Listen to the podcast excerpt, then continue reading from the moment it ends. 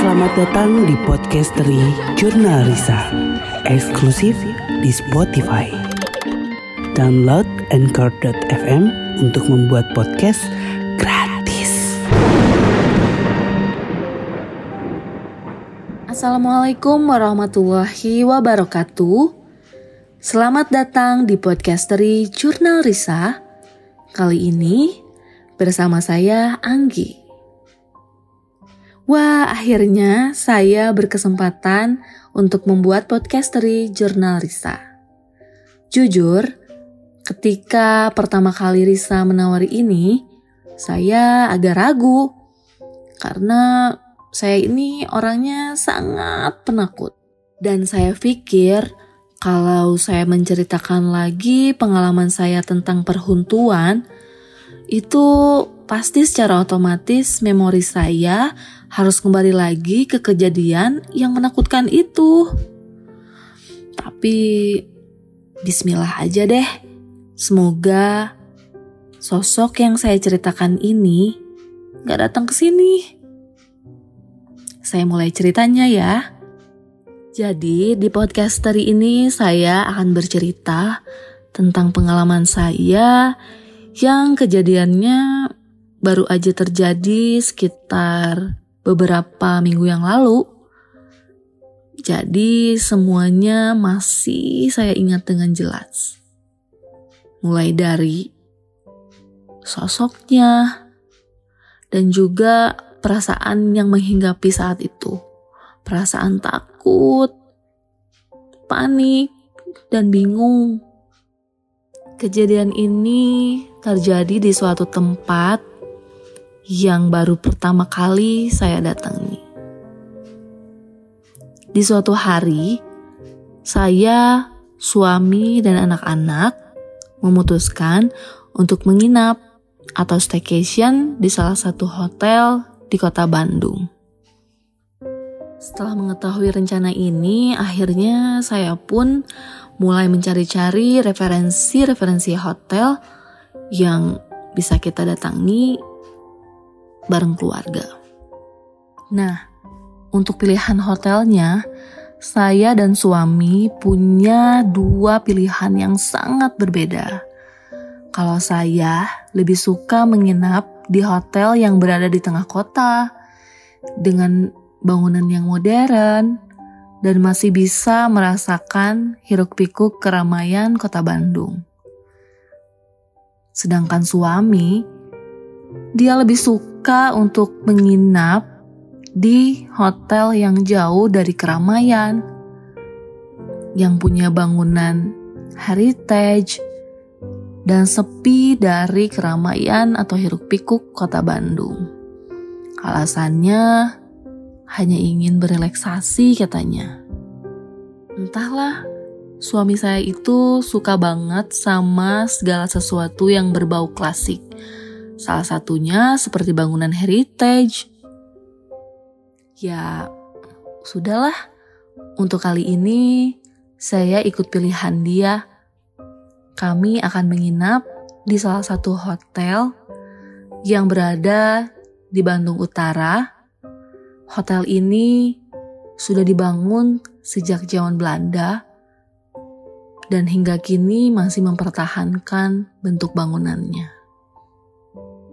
Suami meyakinkan saya untuk mau menginap di sana. Katanya di sana tempatnya nyaman kok.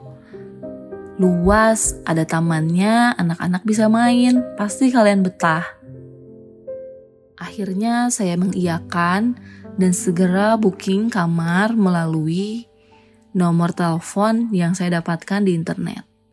Karena untuk mendapatkan kamar spesial di hotel itu hanya bisa dilakukan booking langsung melalui telepon.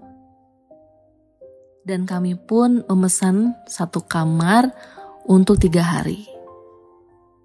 Ya, kamar yang kami pesan adalah kamar spesial dengan desain yang masih asli sejak bangunan itu dibuat. Hari yang direncanakan pun akhirnya tiba. Hari itu hari Rabu kami berangkat dari rumah sekitar habis maghrib perjalanan menuju ke sana cukup jauh. Jika dari tengah kota saja, bisa memakan waktu kurang lebih satu jam menuju ke sana. Ya, sangat jauh dari hiruk pikuk kota Bandung dengan jalanan yang terus menanjak dan diiringi dengan deretan pohon-pohon besar di sepanjang jalannya. Sampai-sampai anak-anak bertanya, Mah, jauh banget sih. Iya, sebentar lagi. Padahal dalam hati saya pun sama. Kok lama banget sih, mana jalannya juga gelap. Dan akhirnya setelah melewati jalan yang terus menanjak, kita melewati satu belokan. Dan ternyata belokannya itu sangat gelap. Jalannya lebih gelap daripada jalan utama yang tadi kita lewati. Penerangannya sangat minim. Pohon-pohon besar ada di sepanjang jalan. Sampai-sampai saya tidak berani untuk menengok kiri dan kanan. Saya hanya fokus ke depan sambil berharap semoga hotelnya sebentar lagi sampai. Setelah melewati beberapa tikungan dengan jalan yang sangat gelap, dan pohon-pohon besar ada di sepanjang jalan, akhirnya kita sampai juga ke hotel itu. Ya, dari luar saja sudah terlihat bangunan Belanda ditambah pencahayaan yang cukup minim karena mereka memilih menggunakan lampu yang berwarna kuning untuk penerangan di sana. Hmm, ini ya tempatnya. Oh iya, menurut informasi yang saya dapatkan dari internet, ternyata bangunan ini sudah dibangun sejak tahun 1800-an. Dan biasanya bangunan ini dipakai oleh orang-orang Belanda untuk mereka berkumpul beramah tamah.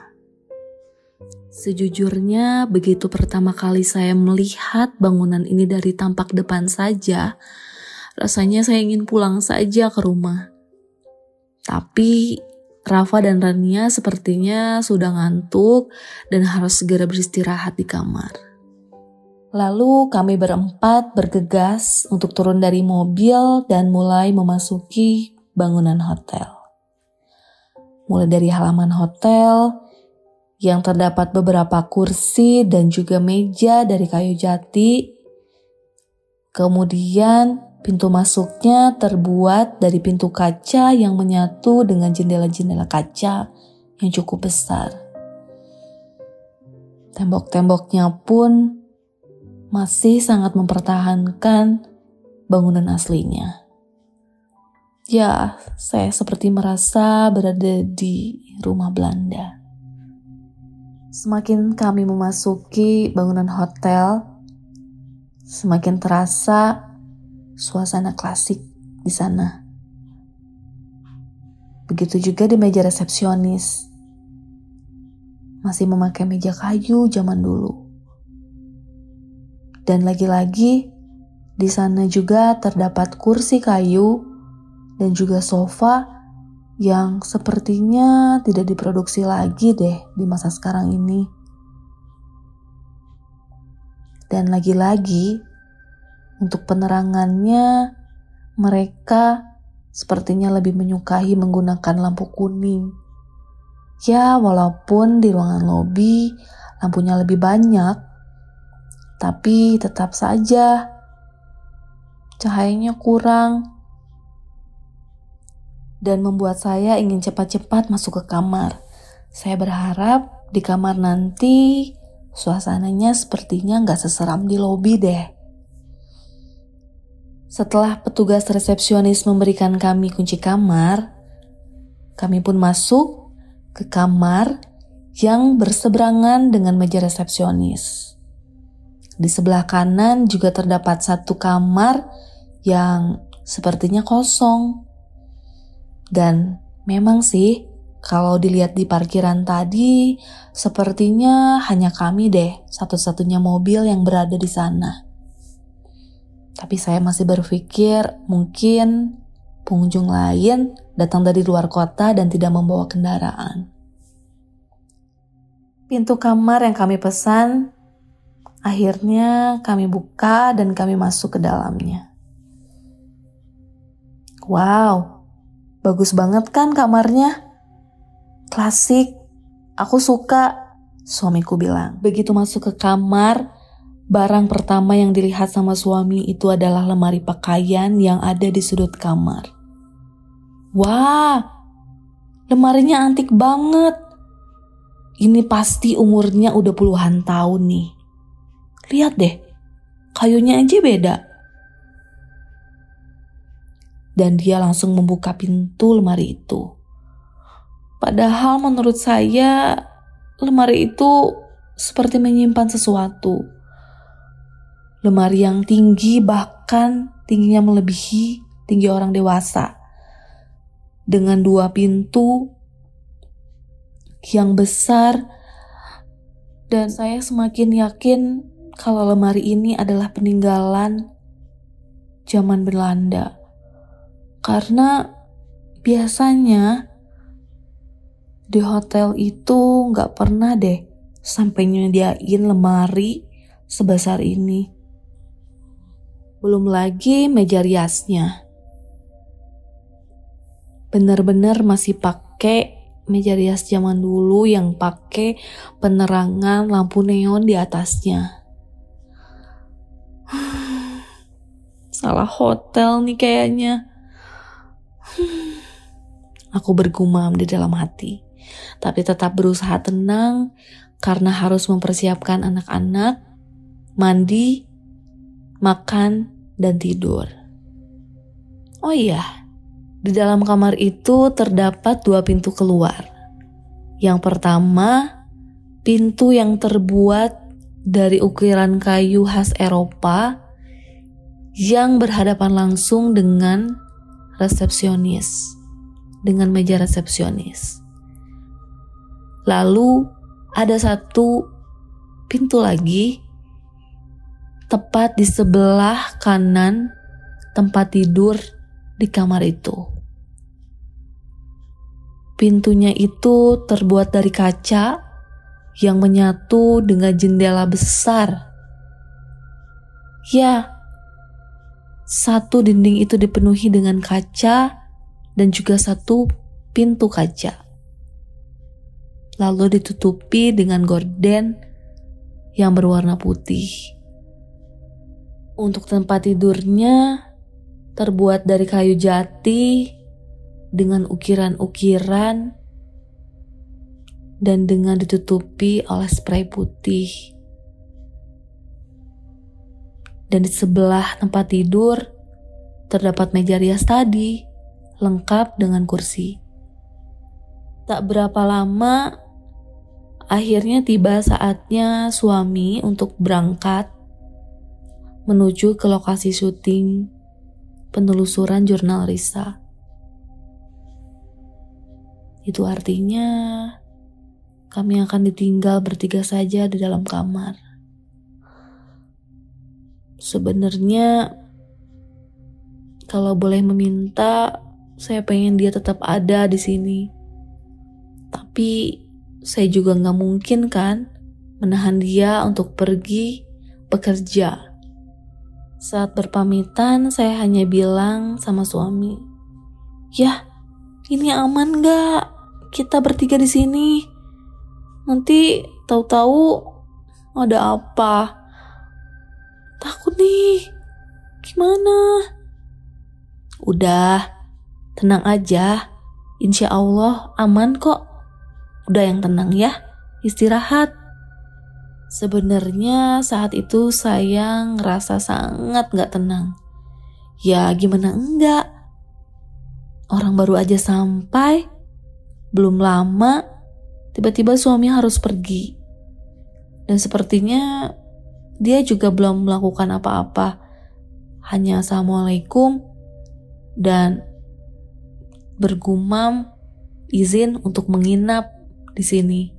Jangan ganggu ya. Hanya sebatas itu. Ya sudah deh, karena waktu yang semakin malam, akhirnya suami berangkat dan saya mengantar dia sampai ke lobi. Ya, penakut banget. Beda sama suami saya Jeffrey atau dengan kembaran saya Angga. Gak tahu kenapa sejak kecil saya ini super penakut. Kalau melihat sosok aneh sudah pasti saya berteriak, menangis, bahkan sampai saya nggak mau melakukan aktivitas kalau sendirian. Harus selalu ditemani. Sebenarnya punya sifat penakut itu sangat merugikan banget. Karena banyak aktivitas yang terhalang kalau lagi sendirian. Terus juga kalau ke mana-mana, apalagi ke tempat baru, biasanya tuh jadi kurang betah dan pikirannya pasti negatif duluan. Nyiksa banget deh pokoknya. Ya, pada malam itu akhirnya suami berangkat menuju lokasi syuting penelusuran jurnal Rista. Dan saya pun mengantar sampai ke lobi. Setelah dia pergi, dan saya membalikan badan menuju kamar, tiba-tiba perasaan saya semakin gak karuan. Saya melihat satu sosok yang sedang duduk di kursi kayu di lobi tersebut. Tapi saya nggak mau ngelihat ke arah situ. Saya cepat-cepat terburu-buru untuk langsung masuk ke kamar. Begitu saya mau masuk ke kamar, resepsionis bilang dan menghampiri saya. Bu, punten, sebentar lagi saya closing. Saya tidak di sini ya, Bu. Kalau ibu butuh sesuatu, ibu bisa panggil security di pos depan. Atau bisa juga di bagian belakang ya, Bu. Oh, oh iya iya Pak, iya iya. Setelah selesai berbicara dengan resepsionis itu, saya pun cepat-cepat untuk masuk ke dalam kamar. Melihat pemandangan di kamar rasanya tenang banget karena anak-anak sepertinya nyaman-nyaman saja mereka asik bermain dengan gadgetnya. Alhamdulillah, saya pikir sekarang saatnya saya untuk mandi deh kalau gitu. Saya pun mengambil peralatan mandi dan bergegas untuk masuk ke dalam kamar mandi. Nah, begitu saya mau dorong pintu kamar mandi, rasanya agak berat aduh ini kok pintu kamar mandinya susah banget dibukanya ya kayak keras gitu lalu anak saya Rafa tiba-tiba menjawab iya mah kayaknya ini pintunya jarang dibuka deh. Aduh si Rafa ini polos banget sih. Udah tahu mamahnya yang pemberani ini mau mandi. Hmm, saya jadi ragu nih, mandi nggak ya? Di kamar mandi yang sepertinya jarang ditempati sama orang, jarang digunakan sama orang. Tapi mau gimana lagi? Saya harus mandi, wudhu, dan bersiap untuk sholat. Akhirnya saya memberanikan diri untuk masuk kamar mandi, gak lupa dengan membaca doa masuk kamar mandi. Nah, dari mulai masuk kamar mandi, saya kayak udah ngerasa ada seseorang yang sedang mengawasi saya. Tepatnya ada di pojok kamar mandi. Dia seperti sedang mengawasi gerak-gerik saya. Dia mengawasi dengan sangat tajam, seakan menunggu waktu yang tepat untuk menampakkan diri aduh sebenarnya jantung saya langsung kayak mau copot tapi saya harus berani. Saya memberanikan diri untuk bilang, "Tolong ya, jangan ganggu saya. Saya di sini cuma menumpang menginap beberapa hari. Saya ikut mandi di sini ya. Kamu ke sana, jangan ganggu saya." Saya tidak ada niat aneh. Saya juga tidak akan jahat sama kamu. Lalu saya tutup dengan membaca ayat kursi. Dan alhamdulillah, sosok itu akhirnya menghilang dan saya bisa mandi. Ya, meskipun dengan terburu-buru. Selesai mandi, kemudian saya sholat isya. Dan saya berniat untuk cepat-cepat tidur. Saya merasa perasaan saya akan lebih aman ketika saya tidur. Ya, setidaknya saya tidak akan melihat sosok hantu di kamar ini. Setelah saya dan anak-anak sudah siap untuk tidur, akhirnya saya mencoba menyalakan televisi dan mencari channel yang bagus.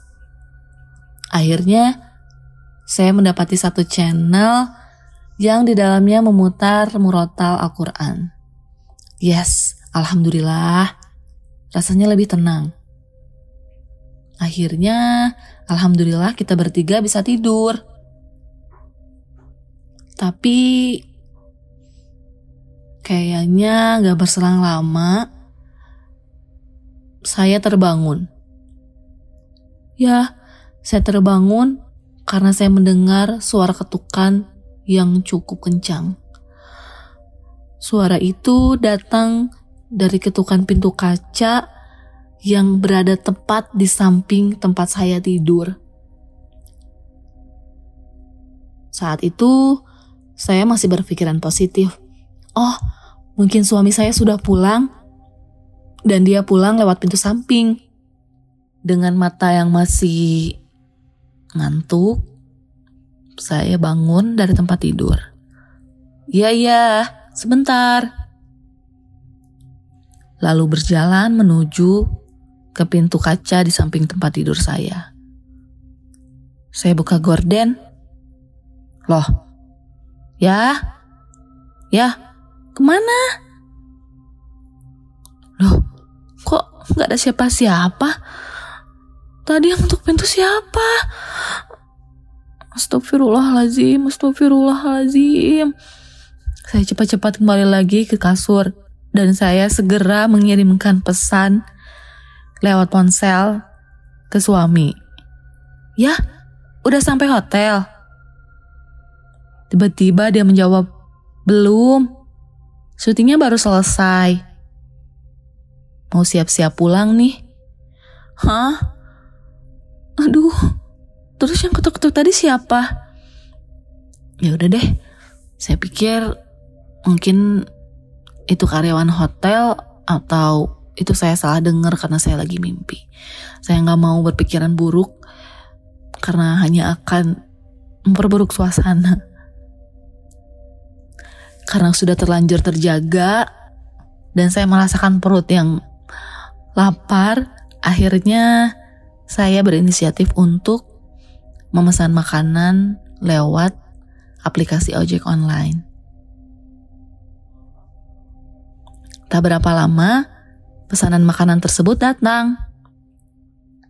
Teh, saya sudah di parkiran.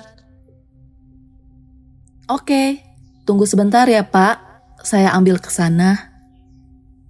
Setelah memastikan kalau anak-anak sudah tidur lelap, saya pun keluar kamar untuk menghampiri driver ojek online. Hmm, benar ya, udara di sini ternyata dingin banget. Dan ada angin-angin kecil. Ditambah lagi, begitu saya keluar, resepsionis tidak ada di tempat dan pintu depan juga ditutup. Aduh, sepi banget lagi. Saya pun berjalan dan membuka pintu. Ya, pintu yang terbuat dari kaca lagi-lagi sama seperti pintu yang ada di kamar saya. Iya, Terasa banget nuansa klasik di sana. Saya benar-benar seperti berada di rumah Belanda. Apalagi saya di sana hanya sendirian. Setelah saya membuka pintu, saya berjalan ke halaman parkir lalu mengambil pesanan saya. Saya lihat di pos security pun kosong. Mungkin security sedang berkeliling untuk mengecek keadaan tempat hotel ini. Setelah saya mengambil pesanan makanan, akhirnya saya kembali lagi ke lobi dan menuju ke kamar. Saya berjalan sambil terburu-buru karena ingin cepat sampai ke dalam kamar. Tapi saya ngerasa jarak antara halaman dan kamar itu seperti jauh banget. Saya seperti ragu untuk melewati lobi yang di sana terdapat kursi dan meja. Ya, kursi dan meja yang terbuat dari kayu yang melihatnya saja saya selalu bergidik. Bismillahirrahmanirrahim. Saya jalan. Tapi saya nggak bisa berpaling dari kursi itu saya melihat satu sosok di sana. Ya ampun, itu ada seorang noni Belanda yang sedang duduk di kursi lobi dengan menggunakan gaun khasnya, lengkap dengan topi noni di kepalanya, sedang duduk dan melihat ke arah depan. Wah, jantung rasanya mau copot. Saya takut banget. Gimana kalau dia nyamperin terus datang ke kamar? Tapi saya pura-pura tidak melihat dan saya terus lurus maju dan berjalan terus ke arah kamar. Saya masuk tanpa sama sekali menghiraukan keberadaan sosok noni Belanda itu. Saya masuk ke kamar dan cepat-cepat membangunkan anak saya Rafa. Raf, Raf, Raf, bangun Raf, temenin mama Raf, temenin mama. Hah, ada apa mah? Enggak, cepat Raf, bangun Raf, Raf, bangun. Untung saja Rafa bangun dan akhirnya menemani saya malam itu. Dan untuk menghilangkan rasa takut, saya mencoba membuka Instagram dan maksud mencari hiburan ataupun postingan-postingan lucu di sana. Ya, setidaknya biar pikiran saya nggak fokus ke sosok yang tadi saya temukan di depan. Eh, saya masuk ke akun suami. Dan saya mendapatkan satu DM masuk. Ternyata balasan DM dari temannya. Saya kaget pas baca. Ternyata dia dan temannya sedang membicarakan tentang hotel yang saya tempati sekarang ini. Suami bilang, "Yuk, Pak.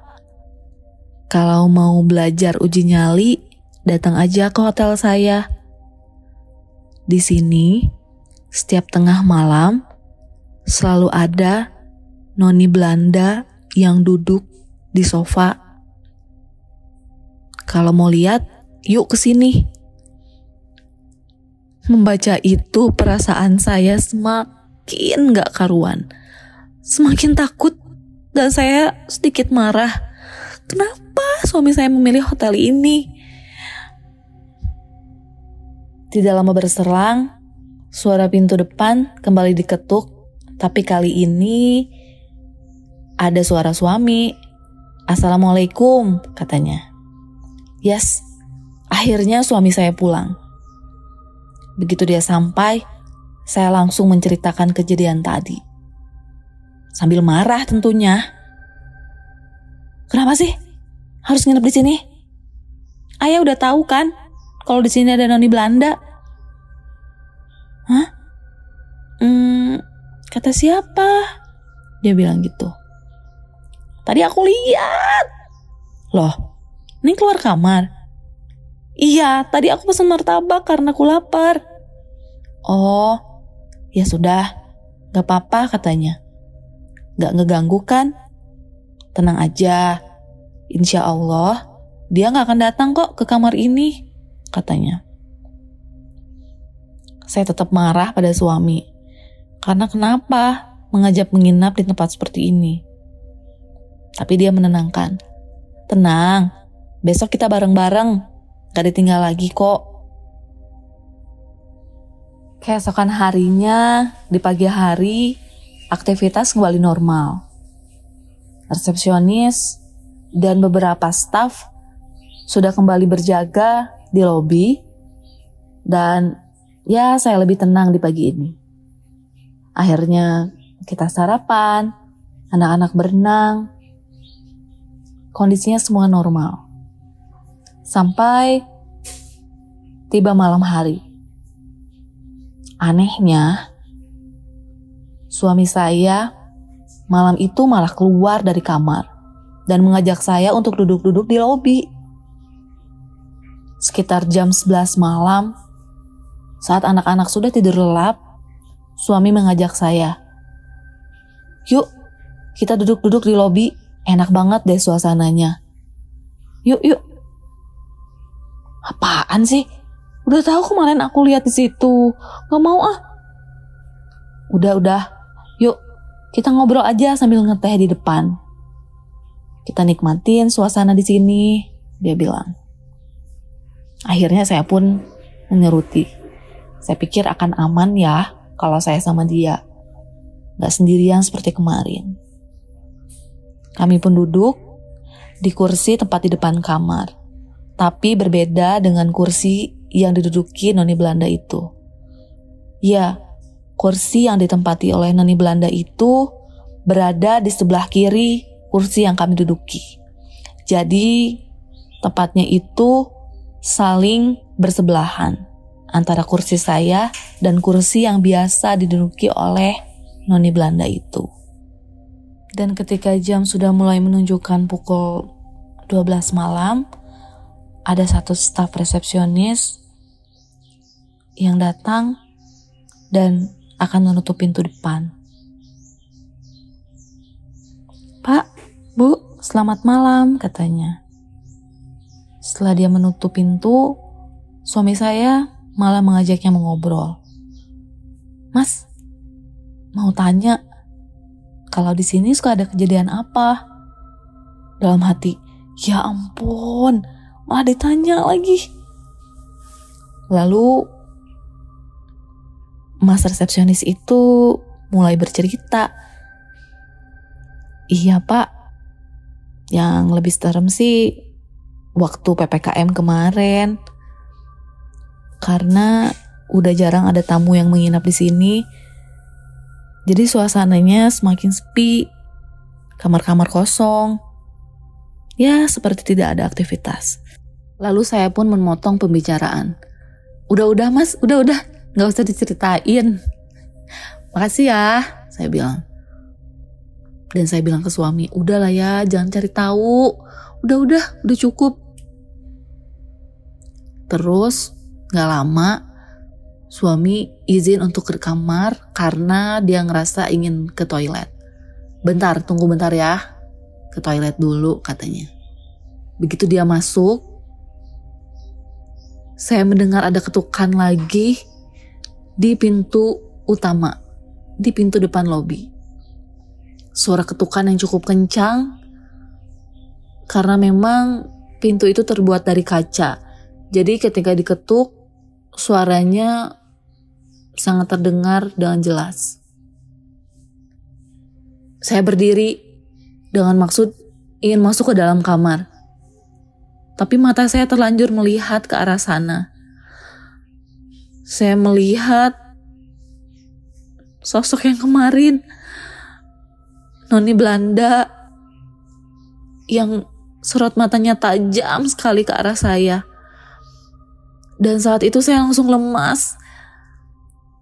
di batin saya seperti ada yang memberitahu bahwa noni Belanda itu marah karena pintunya ditutup.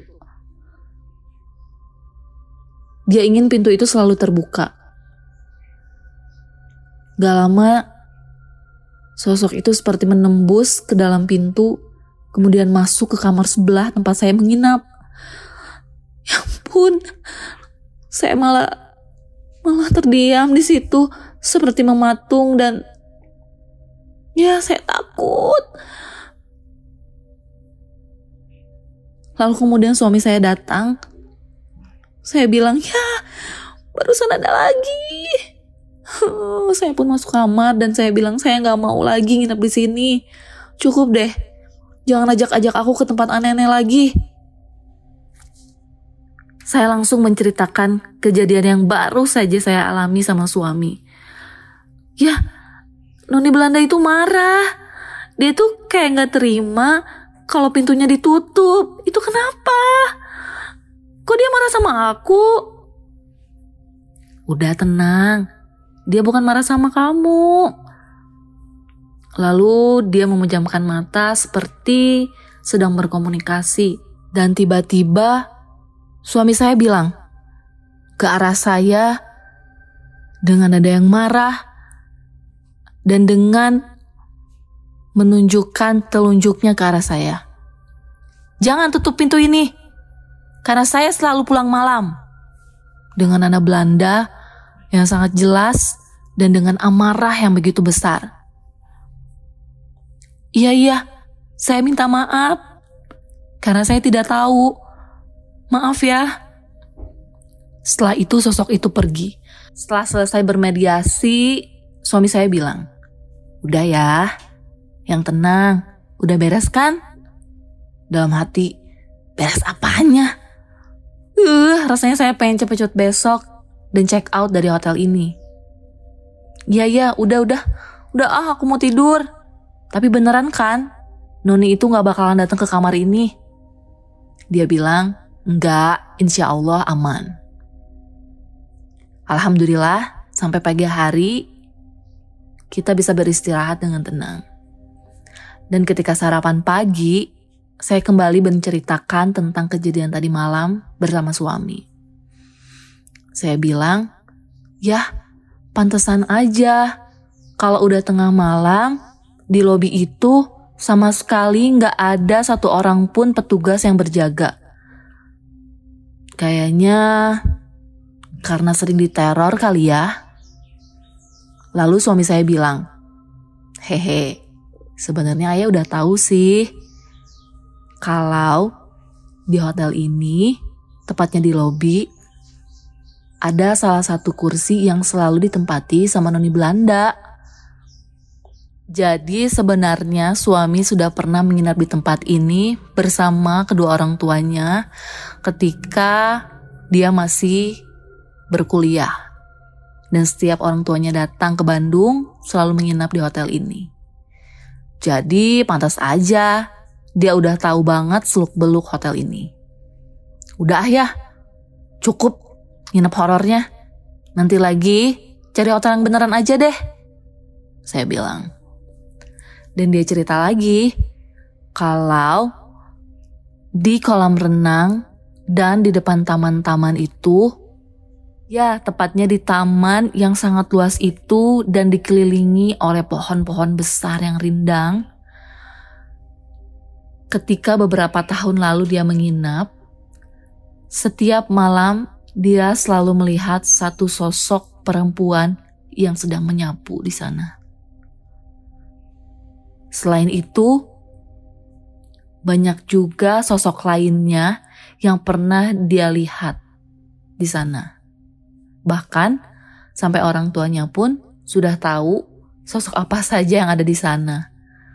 Dan anehnya, mereka masih saja mau kembali menginap di sana. Kalau saya sih, udah ah, cukup sekali aja. Siang itu akhirnya kami pun check out dari hotel tersebut. Rasanya tenang banget bisa meninggalkan hotel ini. Dan saya berjanji dalam hati, saya nggak mau balik lagi ke tempat ini. Tapi nggak tahu kenapa sepanjang perjalanan memori saya terus teringat pada noni Belanda itu. Rasanya kebayang terus sosoknya, mukanya yang pucat, mata birunya yang terbelalak, mukanya yang kurus, dan ya matanya yang marah itu seakan-akan seperti selalu ada dalam bayangan mata saya. Bahkan sampai saya pulang ke rumah, sosok itu masih ada dalam pikiran saya. Sampai berhari-hari, sampai saya takut melakukan aktivitas. Rasanya sosok itu selalu ada dalam pikiran saya. Seperti tidak bisa lepas. Sampai di suatu malam Suami saya terbangun ketika tidur dan juga membangunkan saya. Lalu dia mengajak saya ke depan pintu depan rumah. Kemudian dia membersihkan badan saya yang sepertinya dia melepaskan sesuatu dari dalam tubuh saya. Dan seketika saya merasakan perasaan yang amat sedih saya pun menangis dan berteriak. Tapi setelah proses pembersihan itu selesai, saya ngerasa perasaan saya lebih tenang. Jauh lebih tenang dan hingga keesokan harinya pikiran saya tentang sosok noni Belanda itu sudah benar-benar hilang. Akhirnya saya bisa tenang kembali. Terus Suami saya bilang, eh, ayah nemu nih satu hotel Belanda lagi. Yuk, kita nginep di sana. Spontan dong, saya langsung jawab, enggak, enak aja. Udah cukup. Pengalaman kemarin benar-benar sangat membekas dalam pikiran saya. Pesan saya buat kalian yang mungkin mengalami pengalaman yang sama dengan saya. Sebaiknya kalian tetap berusaha bersikap tenang dan juga tetap berpikir logik, karena biasanya kalau sudah berpikir logik, hal-hal yang mistis itu akan hilang dengan sendirinya. Kalau saya kemarin memang saya panik, saya takut Bahkan sosok itu sampai terus mengikuti saya ke rumah. Sekian dulu cerita dari saya. Semoga kalian dapat mengambil hikmah dan pesan dari cerita yang saya sampaikan. Terima kasih untuk kalian yang sudah mendengarkan sampai akhir. Semoga kalian semua sehat selalu. Sampai ketemu lagi di episode-episode lainnya podcast dari Jurnal Risa. Saya pamit. Wassalamualaikum warahmatullahi wabarakatuh. Podcast dari Jurnal Risa, eksklusif di Spotify. Download Anchor.fm untuk membuat podcast